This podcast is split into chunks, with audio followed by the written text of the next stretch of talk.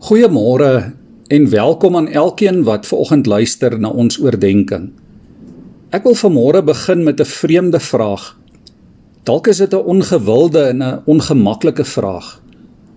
Hoekom praat ons so moeilik oor sonde? Hoekom praat ons so moeilik oor dit wat in hierdie wêreld en dikwels in ons persoonlike lewens gebeur wat teen God se wil is? Die rede is waarskynlik en onder andere dat sonde beteken ons is skuldig. Sonde beteken ons is in die moeilikheid en ons wil dit nie erken nie.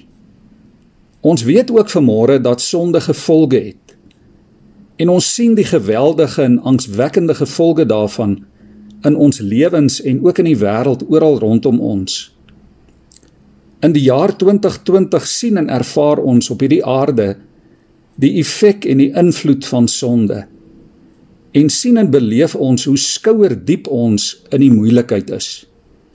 Maar ons wil dit nie erken nie, want dit sou beteken dat ons erken dat ons skuldig is. En dis moeilik om dit te bely. Daarom bly ons dikwels maar liewer stil. Of ons maak of dit nie so erg is nie, of ons dink ag dit sal môre weer beter gaan. Ons sê vir onsself 2021 dan sal die wêreld beter lyk. Kom ek lees vir ons Psalm 6. Vir die musiekleier met snare spel, 'n Psalm van Dawid. Here, moet my tog nie in u woede teregwys en my nie in u toorn bestraf nie. Wees my genadig, Here, want ek kwyn weg. Genees my, Here, want ek is tot in my gebeente beangs. Ja, ek is heeltemal vreesbevange. Ag Here, hoe lank nog?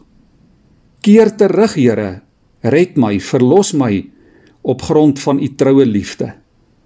Waarlik, in die dood kan u gevierde naam nie aangeroep word nie. Wie kan een die doodryk loof? Ek is moeg van my gesig. Elke nag deurdrenk ek my bed, deurweek ek my slaapbank met trane. My oë is dik geswel van verdriet, vermoeid vanweë my teestanders. Gee pad van my af almal wat onreg pleeg, want die Here het gehoor hoe hard ek huil. Die Here het my smeking gehoor. Die Here aanvaar my gebed. Al my vyande staan beskaamd. Hulle is heeltemal vreesbevange. In 'n oogwink draai hulle vernederd weg. Hierdie Psalm sê sonde het gevolge. Sonde maak die Here kwaad. Dit bring die straf van God. Dit laat mense wegkwyn. Dit lei tot angs en vrees en dood. Dit bring verwydering en vervreemding van God. Dit bring 'n gesig en verdriet en smeking. En die moeilikheid wat ons rondom ons sien, en wat jy dalk ook in jou persoonlike lewe beleef, roep ons op tot bekering. Ons kan nie maar aanhou om roekeloos oor stopstrate en spreekwoordelike geel ligte te jaag sonder om die gevolge daarvan te bereken nie. Iewers gaan jy jouself in 'n verpletterende ongeluk vasloop. God kan in een oomblik alles uit jou hande uitslaan. Liewe vriende, Waar begin 'n mens om dit wat verkeerd geloop het reg te maak? Daar is maar net een manier. Dit begin by God. Dawid pleit: "Wees my genadig, Here. Genees my, Here.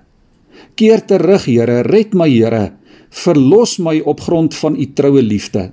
Hoor my smeking. Aanvaar my gebed." Die pad na genesing begin en eindig by die Here. Dis die enigste pad.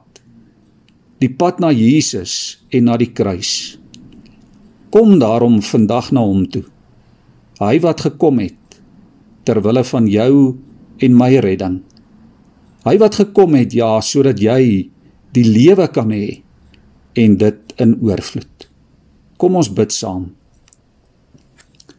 Here, ons gebed vir môre is dat U deur U Heilige Gees en deur U woord vir ons toenemend ook vandag sal wys wat verkeerd is in ons menslike mondering. Dat U ons sal help, Here, om dit te bely en om ons daartoe te verbind om U wil te soek en om dit te doen. Ons bid vir die bekering van mense, mense wat U uitgekies het om U kinders te wees in ons land en in die wêreld. Maak ons nuut om soos Jesus te wees en om soos Jesus te lewe. Amen.